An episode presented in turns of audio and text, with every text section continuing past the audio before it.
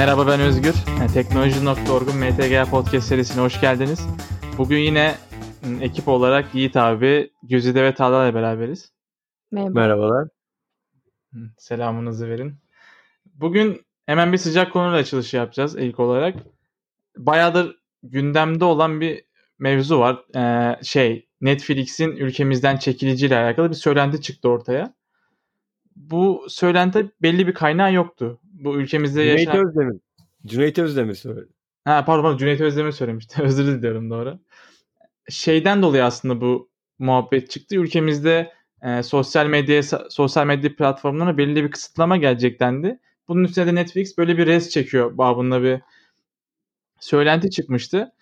E, bu söylentiler büyüyünce Netflix sözcüsü, Türkiye sözcüsü bugün bir açıklama yaptı. Ben direkt onu okuyayım isterseniz size. Netflix sözcüsü dedi ki Netflix olarak Türkiye'deki üyelerimize ve kreatif camiaya derinden bağlılığımızı sürdürüyoruz.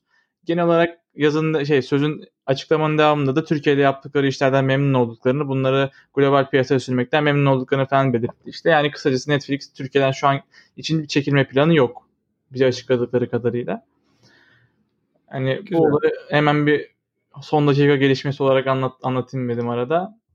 Onun dışında yine bu hafta baya çalkantılı bir olay oldu zaten. Baya gündem oldu. Hatta bir ara podcast bölümü bile çektik bunun için. Twitter'daki bu Bitcoin skan, hacklenme skandalı. Onunla ilgili galiba yeni gelişmeler var. Burada ben genelde Yiğit abi bana topu atardı. Ben Yiğit abi sana topu atıyorum. Bu konu hakkında ne düşünüyorsun? Ben topu alıyorum. Ee, şimdi şöyle geçenlerde New York Times'da okudum. Şeyi merak ettim. Bu hack olayından sonra hatırlarsanız eğer dinlendiyse şu anda bizi dinleyen kişiler daha önceden o bölümü dinlediyse e, orada böyle bayağı ben bir aklım almamıştı. Ya bu iş nasıl olur? Hani e, ya bu iş çoluk çocuk şansı olmuştu e, ya da gerçekten farklı bir amaç var e, diyordum. E, meğerse benim anladığım New York Times'dan gerçekten çoluk çocukmuş bu işi ve şans eseri bir şekilde e, yapmışlar diye anlıyorum. Aslında yapmışlar demek yanlış olur. Sadece bir kişi e, bunu yapıyor. E, olay da şöyle meydana geliyor. Şu anda hala da bu arkadaşa ulaşılmadı bildiğim kadarıyla bir şekilde ulaşamadılar ama e, bu kişi Kirk lakabıyla Discord e, sunucularında e, geziniyormuş. Bu ele geçirme olayının olduğu günün sabahında e, birisine o şeylerde Discord kanallarında e, bir de OG Users diye bir web sayfası varmış bu çalıntı hesapları veya işte atıyorum almak istediğin hesabı oradaki hackerlara söylüyormuşsun. Onlar senin yerine alıp sana satıyormuş falan böyle. Öyle bir marketplace varmış. E, oradaki ünlü adamlardan bir tanesine e, şey atmış. Mesaj atmış. Bir ekran görüntüsü. Twitter'ın admin paneli. E, şey demiş. Ben bir Twitter çalışanıyım. E, bunu söyleme işte e, Twitter accountlarını satalım birlikte demiş hesaplarını. E, bu da böyle tabii adam atlamış hemen işte şey yapmışlar. Bu OG users tarafına kullan şey yapmışlar. ilan falan açmışlar. İşte hangi şeyi istiyorsanız 250 dolara e, satarız falan gibisinden. Yanlış hatırlamıyorsam bu e, tanınmış olan arkadaş 19 yaşında bu Discord sunucularda tanınmış hani böyle birazcık e, siber korsanlık camiasında tanınan bir arkadaşmış. O 19 yaşındaymış ve İngiltere'de yaşıyormuş.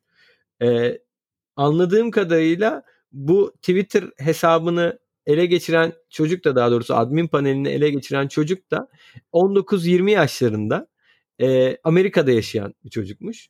Aralarında saat farkı e, olduğu için İngiltere'deki hadi partner diyelim hani onlar middleman middle middleman mi öyle bir şey söylüyorlar. Ee, hani yardım middle. Öyle bir şey mi? Yani middleman mi öyle bir şey söylüyor. Yani yardımcı falan gibi bir şey herhalde. Ee, o çocuk da İngiltere'de adam neyse bunlar böyle birazcık ticaret yapıyorlar işte. Gerçekten böyle şey yapıyorlar bu arada. Olay şöyle başlıyor işte birisi çıkıyor diye diyor ki Y Twitter'daki Y kullanıcı adını işte satın almak istiyorum diyor. Çocuk çat diye veriyor. 250 dolar karşılığında işte 250 dolarlık Bitcoin karşılığında falan. Böyle çok ciddi ticaret çevirmeye başlıyorlar sabahtan. Bunu bu arada Twitter fark etmiyor. Yani bu iş aslında o kadar da çok hani böyle 2 saatte oldu 3 saatte oldu gibi bir şey değil. Ne zaman ki bunlar Obama'ya falan bulaşıyorlar o zaman ortaya çıkıyor bunların sistemde oldu. E, bütün bir gün boyunca bunlar account satıyorlar. İşte e-mail adresi şey yapmaya çalışıyorlar. E-mail adreslerinin adam e-mail adresi veriyor. Onları bir şekilde bir şeyler yapmaya çalışıyorlar falan. Bir, bayağı bir operasyon çevirmeye çalışıyor çocuk Twitter'ın admin paneli arkasında. E, daha sonra bu İngiltere'deki çocuk işte saat farkından dolayı ben yatıyorum diyor. Yatıyor bir kalkıyor. Manşetlerde yok Obama'nın Bitcoin şeyi falan var tamam mı? Bu Elon Musk'ın falan çocuk şeyi e, karşılaştırıyor. Acaba bu hesaplarda paylaşılan Bitcoin cüzdanıyla işte çocuğun sabahki e, kullandığı Bitcoin cüzdanı aynı mı diye. Evet aynı çıkıyor. E, çocuk orada şey anlıyor. Bunun bir Twitter çalışanı olmadığını. E, aslında hani tamamen o paneli bir şekilde ele geçirmiş bir e, delikanlı olduğunu fark ediyor. Ve zaten direkt geri çekiliyor. Çocuk da zaten bu Kirk denilen çocuk da ortalıktan kayboluyor. E, ama burada şöyle bir şey var. Bu Kirk e, şeyi nasıl ele geçirmiş? E, Twitter admin panelini nasıl ele geçirmiş? Asıl soru o. E, söylentilere göre Twitter'ın bir çalışanının e, Slack diye bir şey var ya chat Uygulama, şeylerin aynen. firmaların kullandığı sohbet yazılımı var ya e, onun bir tane Twitter çalışanının oraya erişim kullanıcı adıyla şifresini bir şekilde bu çocuk ele geçiriyor. E, ve o kanalda da Slack kanalında da e, bir şekilde Twitter'ın admin paneline erişilebilecek kullanıcı adı ve şifreyi orada paylaşıldığını görüyor geçmiş şeylerde. Ee, ve çocuk bunun üzerine o admin paneline bir erişim sağlıyor. Ee, yani tamamen aslında Twitter bir hackleme gibi bir durum söz konusu değil. Sadece şansa diye düşünüyorum bir noktada. Ha, diğer çocuğu nasıl hackledi onu bilmiyorum.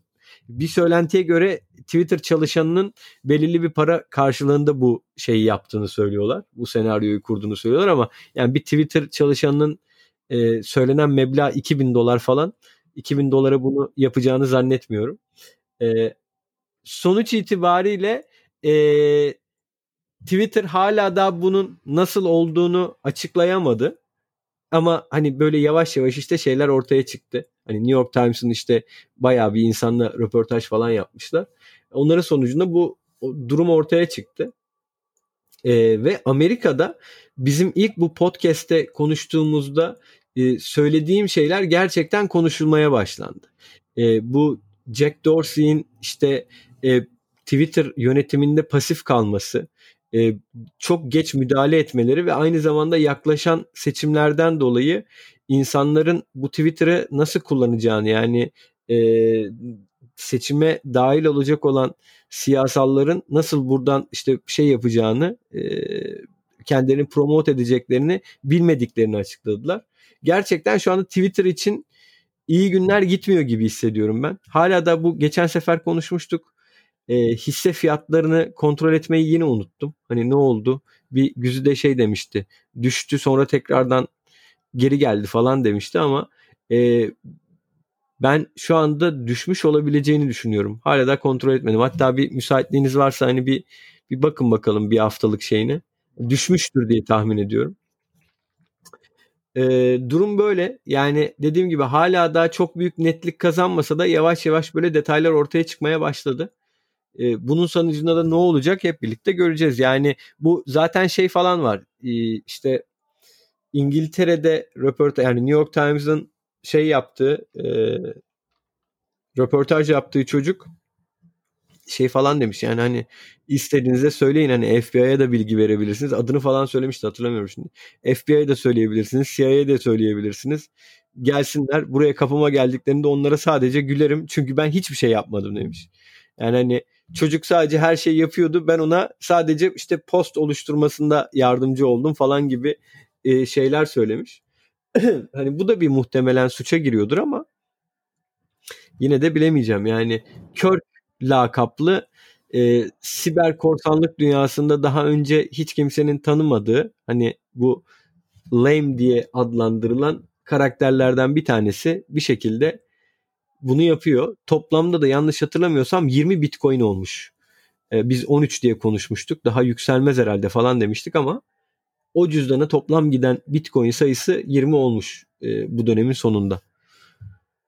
Benim ben anlatacaklarım şu, bu kadar. Ben şu an bakıyorum da pek anlamam bu borsa işlerinden falan ama son bir haftada yükselmiş Twitter'ın hisseleri sanki. Bilmiyorum önündeki grafikte yükselme var yani. Ben a, yanlış şeye falan mı bakıyorum acaba bilmiyorum da. Ee, bilmiyorum yani yükseldiyse e, enteresan. Yani eğer yükseldiyse iyi. ben kesin ben yanlış bana, bakıyorum. Bana Neyse buna da detaylı bakarız ya. Okey okey. Detaylı yani bakarız bu, ya. Bunu bunu merak ediyorum çünkü yani çok mantıklı gelmiyor bana Twitter'ın. Ne bileyim böyle bir skandaldan sonra nasıl olabilir bilemedim. Neyse doğru, tamam okey. Yani bütün bölüm yine 10 dakika Twitter konuştuk. Ee, şey yapıyorum. Geçiyorum. Ee, konumuz Huawei 5G kiti. Evet. Yine bir şeyler olmuş İngiltere'de. Ee, Güzide Hanım bizlere aktaracak. Buyursunlar efendim. Tamam.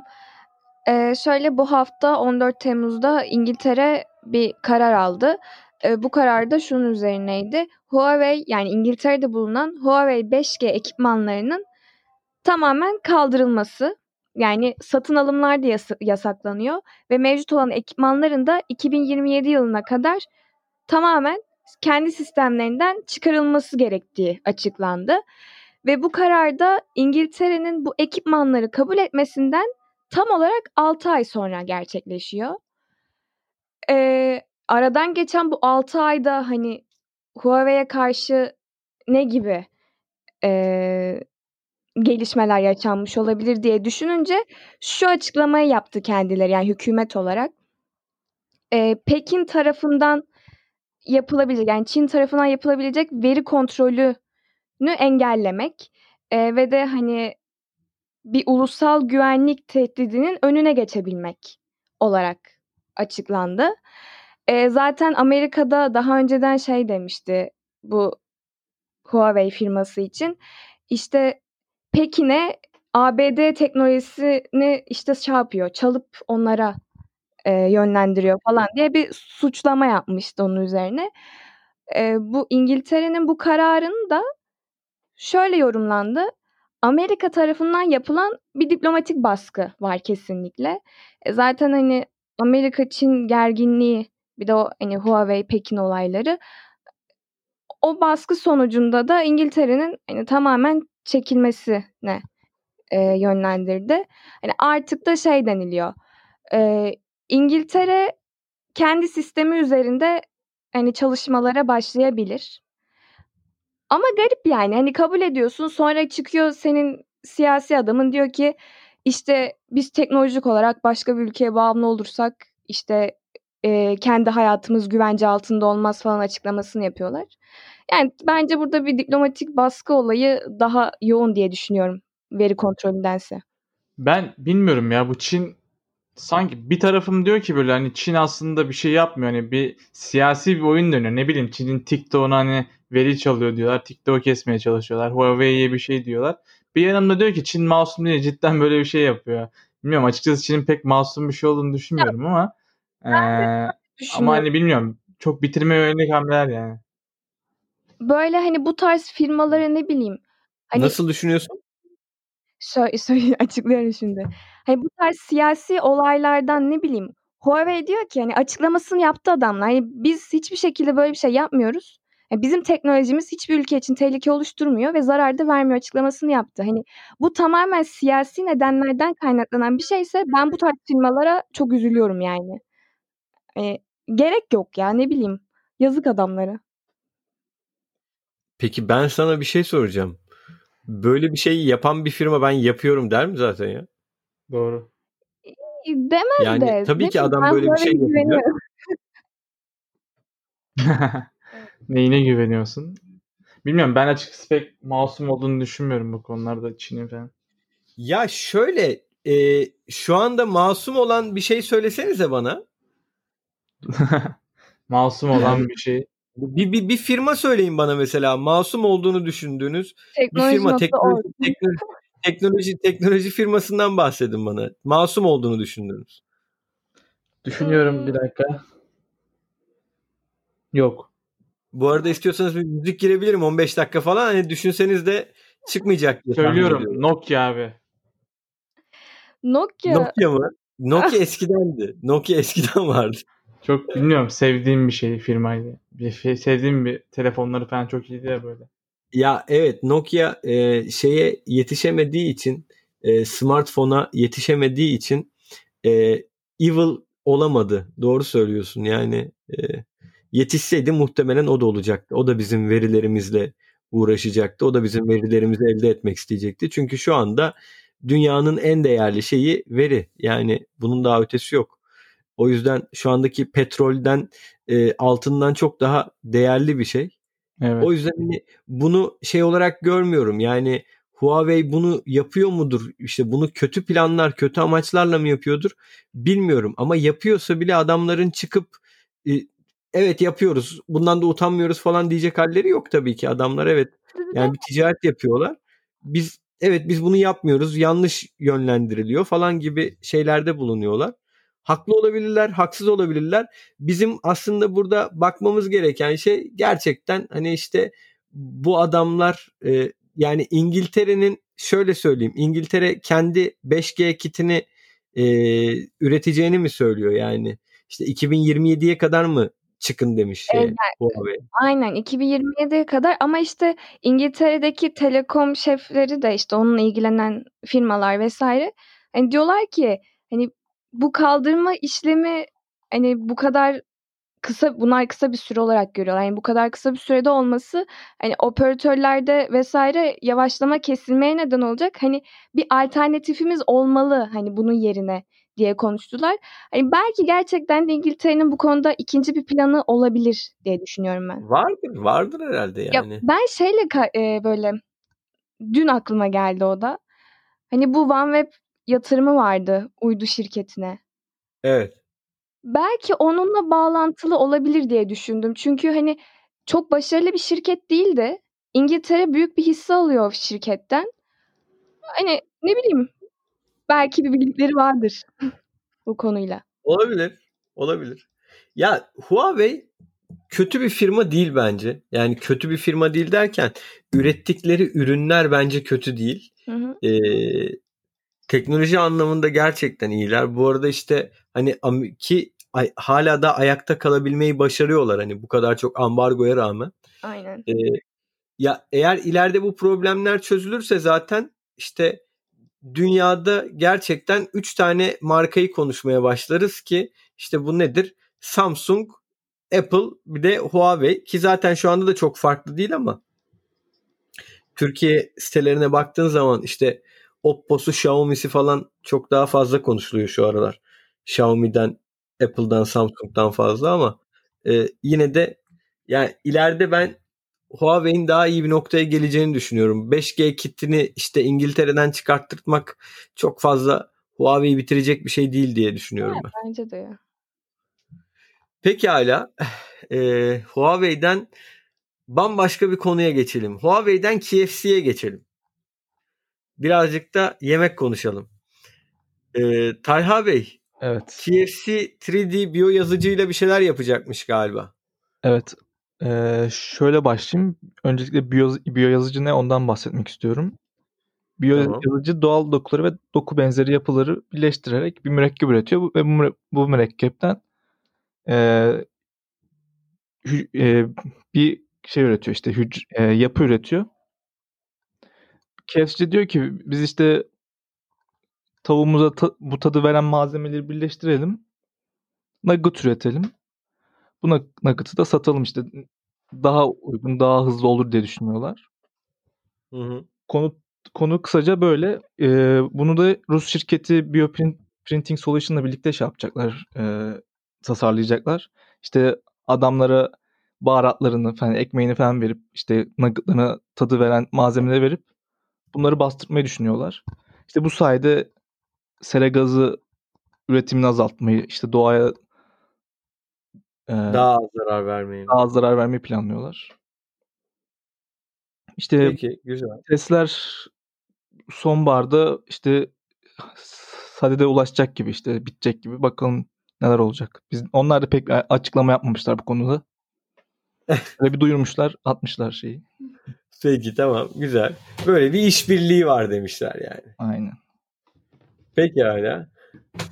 KFC'den Pixar konusuna geçiyoruz. Ve topu bana atana ben geri atıyorum. Özgür sendeyiz. Bendeyiz abi. Ee, Pixar konusuna şöyle gireyim. En başta bu artık e, animasyon filmleri falan artık çok popüler hale geldi ve hani çok ilerledi. Mesela ben bazen animasyonlar görüyorum böyle hani ayırt edemiyorsun hani cidden hani şaka yapmıyorum ben bazen karıştırdığım oluyor yani böyle diyorum acaba gerçek mi bu? Bir soru Pixar'ın kurucusu kim? Steve Jobs. Güzel. Anlık bir quizdi. Yemem. Evet. Evet. ee, işte cidden yani çok gelişti animasyon şeyleri. Animasyon yani animasyoncular da artık hani bu işi daha da ileri taşımak istiyorlar. Bunun için de herkesin günümüzde başvurduğu olan yapay zekaya başvuracaklar.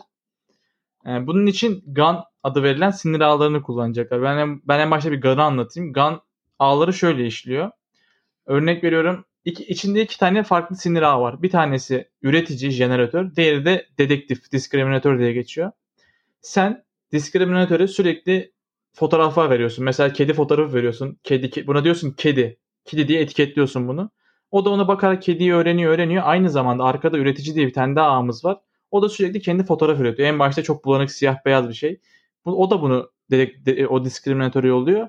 Diskriminatör bakıyor diyor ki bu gerçek bu saate, bu gerçek bu saate. Böyle gitgide artık o arkada üreten A o kedi fotoğrafına çok benzeyen bir şey üretmeye başlıyor. Kendi kendini kedi fotoğrafını öğrenip kedi fotoğrafları üretmeye başlıyor. Artık bir süre sonra o diskriminatör ayırt edemiyor. Pixar demiş ki biz bunu şöyle yapalım. Ee, çünkü mesela 4, 4K bir animasyon geliştirmek bizim için aşırı maliyetli. Hem zamanımızı çok alıyor hem de maddi olarak bize sıkıntı veriyor demiş. Ee, biz 1K geliş, bir 1K'lık bir animasyon yapalım. Bizim için çok daha karlı olsun. Bu 1K'lığı ben biz bu ağlara sokalım. Bu ağlar kendi kendine geliştirsin bu videoyu demiş. Hani 1K'dan 2K'ya sonra 4K'ya kendi çıkarsın demiş. Hani biz düşük çözünürlükte yapalım. Yapay zeka yardımıyla yükselsin bu demiş. Bunun için e, bu Pixar'ın bu işlerle sorumlu bir abimiz vardı. Vaviala mı ne? Vahipav Vaviala, Vavilala ismi biraz zor. E, şey derin öğrenme derin öğrenilen süper çözünürlük demiş buna. Bunun üzerine çalışmalar yapıyor işte. Yani böylece işte mad yani bu ne denir ona işte hem maddi anlamda hem de zaman anlamında animasyon geliştirmesi artık böyle çok daha kolay olacak. Şimdilik Pixar için ileride büyük, büyük tüm şirketler kullanır herhalde. Bence mükemmel bir şey yani. Bu anlattığın şey çok güzel bu arada. Ee, bence şey yapmalıyız. Bu Gun'la ilgili e, gerçekten başlı başına bir podcast e, şeyi yapabiliriz bence. Bölüm yapabiliriz. Mükemmel bir şey ya. Hani yani verdiğin örneğe baktığım zaman şimdi ilk başta şöyle dedin. Hani işte bir tane kedi resmi veya bir tane kedi resmi değil hani bir taraftan kedi resmiyle besliyorlar. Evet. Diğer taraftan e, işte kedi resmi çıkartıyorlar ve bunu karşılaştırma yapıyorlar bir şekilde. Şimdi bu anlattığın şey okey kafamda bir şekilde kurgulandı. Daha sonradan şeyi anlayamadım işte. Atıyorum mesela e, HD bir çözünürlükte ben bir işte animasyon yapacağım. Bunun çözünürlüğünü işte GAN sayesinde işte şeye 4K'ya falan çıkartacağım. Evet. Bunu mesela anlayamadım. Yani bu GAN'ın kullanım alanı acayip geniş anladığım kadarıyla. Yani hani aynen, bu metotla aynen. bayağı bir şey yapabiliyorlar. İstersen bunu gerçekten ilerleyen dönemde bir şey yapalım.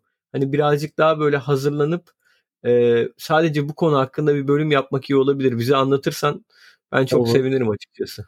Şey de mesela şu an küçük bir örnek vereyim kullanamalarıyla mesela bu anime suratları var ya bu GAN kullanarak anime suratları falan üretiyorlar. Hatta normal insan suratı bile üretiyorlar yani.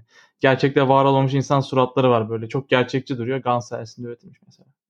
Evet çok enteresan bir şey gerçekten yani. Korkutucu seviyede enteresan. Aynen. Ee, peki hala. Neyse bunu ileride ben tam anlatırım. Kafamda bayağı bir şey oluştu şu anda artık bir dahaki o 30 dakikayı sığdırırım ben bunları. Okey okey anlaştık. Ee, şu Unity sentetik veri seti. Hı. Bir de bize onu anlatır mısın? Hazır böyle yapay zeka falan işte Gunman derken derin öğrenme. Genelde böyle şeylerin temeli veriden geçiyor artık. Hani veri artık her şey. Hatta konuşmanın başında da dedik de Avrupa Birliği de böyle bir şey demişti. Hani veri artık günümüzün altını hani bunu işlemeliyiz diye bir evet. açıklamada bulunmuştu zamanında.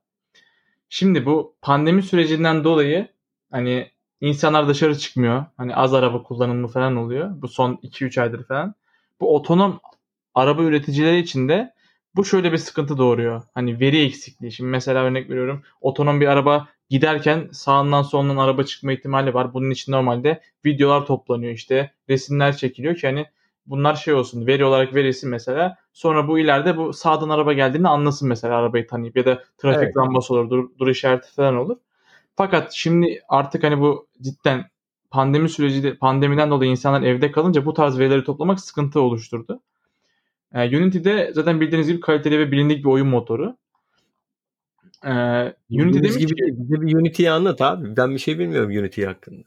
Unity işte e, oyun motoru yani oyun geliştiriyorlar Unity ile. Ben de şimdi Unity Master Şöyle değilim burada da. Unity, Unity çok yani günümüzde bildiğim kadarıyla e, çok fazla kullanılan bir şey. Hatta yani Unity'ye işte cep telefonundan oyun oynayan insanlar çok fazla aşinadır diye tahmin ediyorum. Yani oyunu açtığında başlangıçta böyle bir siyah beyaz Unity yazısıyla Aynen, işte onun böyle bir. Evet evet hani Unity ile geliştirilmiştir. Oyun motoru Unity'dir gibi böyle bir şey çıkıyor. Gerçekten çok şey hani yaygın kullanılan bir sistem. Ee, C++'tı galiba. C++ mı? C Sharp. C Sharp mıydı? C Sharp'la mı geliştiriyorum? Ben öyle yani C Sharp'la bir, de- bir ara heveslenmiştim öyle bakmıştım da. Çünkü yeni başlayanlar için gerçekten iyi. Hem de ücretsiz sanır galiba Unity. Belli bir Evet evet Unity Unity ücretsiz diye biliyorum ben. Bildiğim kadarıyla belli belli bir para kazandıktan sonra Unity'ye de pay vermek zorundasın ama belli bir yere kadar sana sana kalıyor para. He anladım. İşte Unity ile geliştirdiğin oyun Evet, için. evet. Tamam peki. Peki Unity bu sentetik veri olayında tam olarak nerede? Ne yapıyor yani? Şimdi Şimdi şöyle diyeyim. sentetik veri şeyi anladık. Neden bu böyle bir şeye ihtiyaç duyulduğunu da anladık ama Unity ile ne alakası var bunun? Unity'de biz 3 boyutlu modellemeler yapabiliyoruz. Yani bir sokağı 3 boyutlu olarak biz orada yapabiliyoruz. Sokakta gezinebiliyoruz. ta- tasarlayabiliyoruz 3 boyutlu olarak. Şimdi normalde bir araba, örnek veriyorum otonom bir araç, e, otonom bir aracın modelini eğitiyorsak hani yolda giderken bakacak işte sağında park halinde arabalar var, önünde araba var. Sen bunu şu an bu veriyi toplamak zor olduğundan ya da ileride hani sonuçta bunların hepsi masraf bu veri toplama. Sen bunu modellersen e, bunu şey olarak verebilirsin yani hmm, modeline. Dersin hani bak bu bir resim. Hani onu resim haline getiriyorsun. Farklı açılardan resimler alıyorsun böyle o sokak görüntüsünü. Onu modeline eğitmek için kullanıyorsun. E, hatta ben bunun için bir örnek gördüm. Bir çalıştığım bir projede vardı. Böyle çöp bir ürünleri alıp mesela şey yapmaya çalışıyorlardı. Hani geri dönüştürülebilir mi, geri dönü- dönü- dönüştürülemez mi diye eğitmeye çalışıyorlardı modelleri. Onun için mesela şey kullanmışlardı. Unit tarafı yani Unity demeyeyim de bir uygulama tarafından geliştirilmiş işte e, ne denir ona sanal çöpler vardı mesela. Sanal çöpleri bu adam veriyor. Sonuç olarak çok gerçekçi oldukları için artık adam bunları veriyor mesela görsel olarak ve modelde gayet iyi çalışıyor yani bunları öğrenip. Ha anladım anladım. Şimdi şimdi anladım ben olayın ne olduğunu. Hı. Unity işte diyor ki zaten normalde hatta ileride de hani normal her şey normal dönünce yine veri toplamak bizim için masraflı olacağından biz bunu Unity ile yap yani işte çalışan yani bu işle uğraşanlara diyor Unity ile yapın işte bu işi. E, kendiniz geliştirin. Fark 3D oluşturursanız farklı açılardan arka planı değiştirirsiniz. Yani çok farklı varyasyonlarda veri de elde, elde edebilirsiniz. Sizin bayağı işinize gider diyor yani bu olay. Anladım. Tüm senaryoları aslında çok daha rahat bir şekilde yaparak Evet, daha rahat evet. diyor aslında. Evet. Pekala.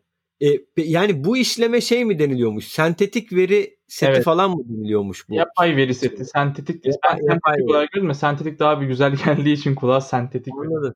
An- Yani bunun tam jargonu ne? Yapay mı? Ben sentetik diye gördüm her yerde şimdiye kadar ama yapay da kullanılır yani herhalde. Anladım. Yok sentetik güzelmiş. Aynen Çok güzel. havalı.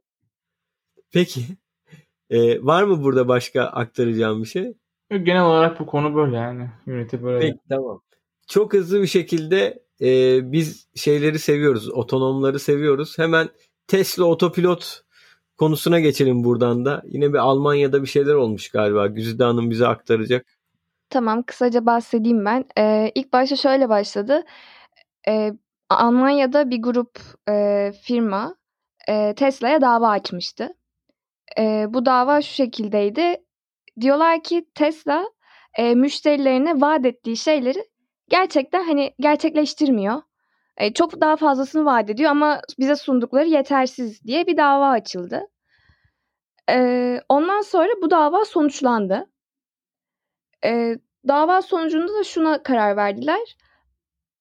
Artık Almanya Tesla'nın e, bu reklam e, materyallerinde otonom sürüş için uygun e, cümlesini e, kullanılmayı yasakladı. Hani artık adamlar reklamlarında biz otonom sürüş için uygunuz ibaresini kullanamayacaklar. En azından Almanya için.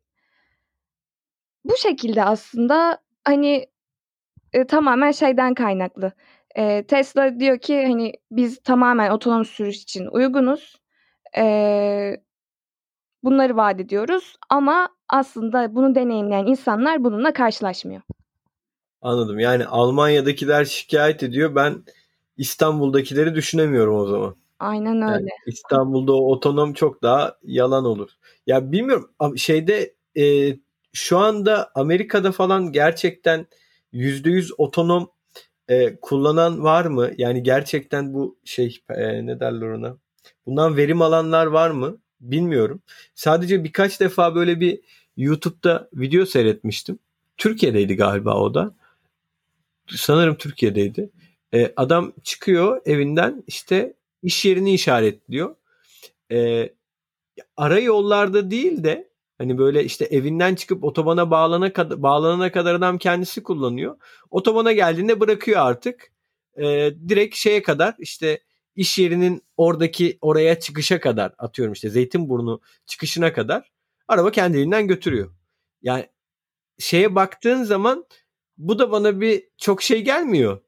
Yani Tesla'ya verilecek o kadar çok para, o kadar işte otonom teknolojisi gibi gelmiyor bana. Ee, birazcık daha geliştirilebilir. Geliştirilecektir zaten. Ona da bir itirazım yok ama belki şey diye düşünüyorum. Amerika'daki işte Amerika için bu otonom çok iyi eğitilmiştir. İşte o yüzden orada başarılıdır ama Almanya'da şu anda başarısızdır ya da işte Türkiye'de başarısızdır. Ee, çok yerinde bir karar olmuş aslında Almanya'nın verdiği bence. Hani eğer başarılı değilsen kardeşim bu şekilde satmaya çalışma aracını diyor. Bence makul bir şey. Katılıyorum. Pekala. Ee, başka 32 dakika olduk. Yine 30 dakikayı tutturamadık. Peki. Ee, çok konuşuyoruz. Evet. Peki söyleyeceğiniz bir şey var mıdır arkadaşlar? Eklemek istediğiniz şey yoksa kapanışı yapacağım. Bende yok. Tamam pekala. Ee, olur da bizlere ulaşmak isterseniz info.teknoloji.org adresinden bize e-posta aracılığıyla ulaşabilirsiniz. Ee, teşekkür ederiz bizi dinlediğiniz için. Görüşmek üzere. Görüşmek üzere.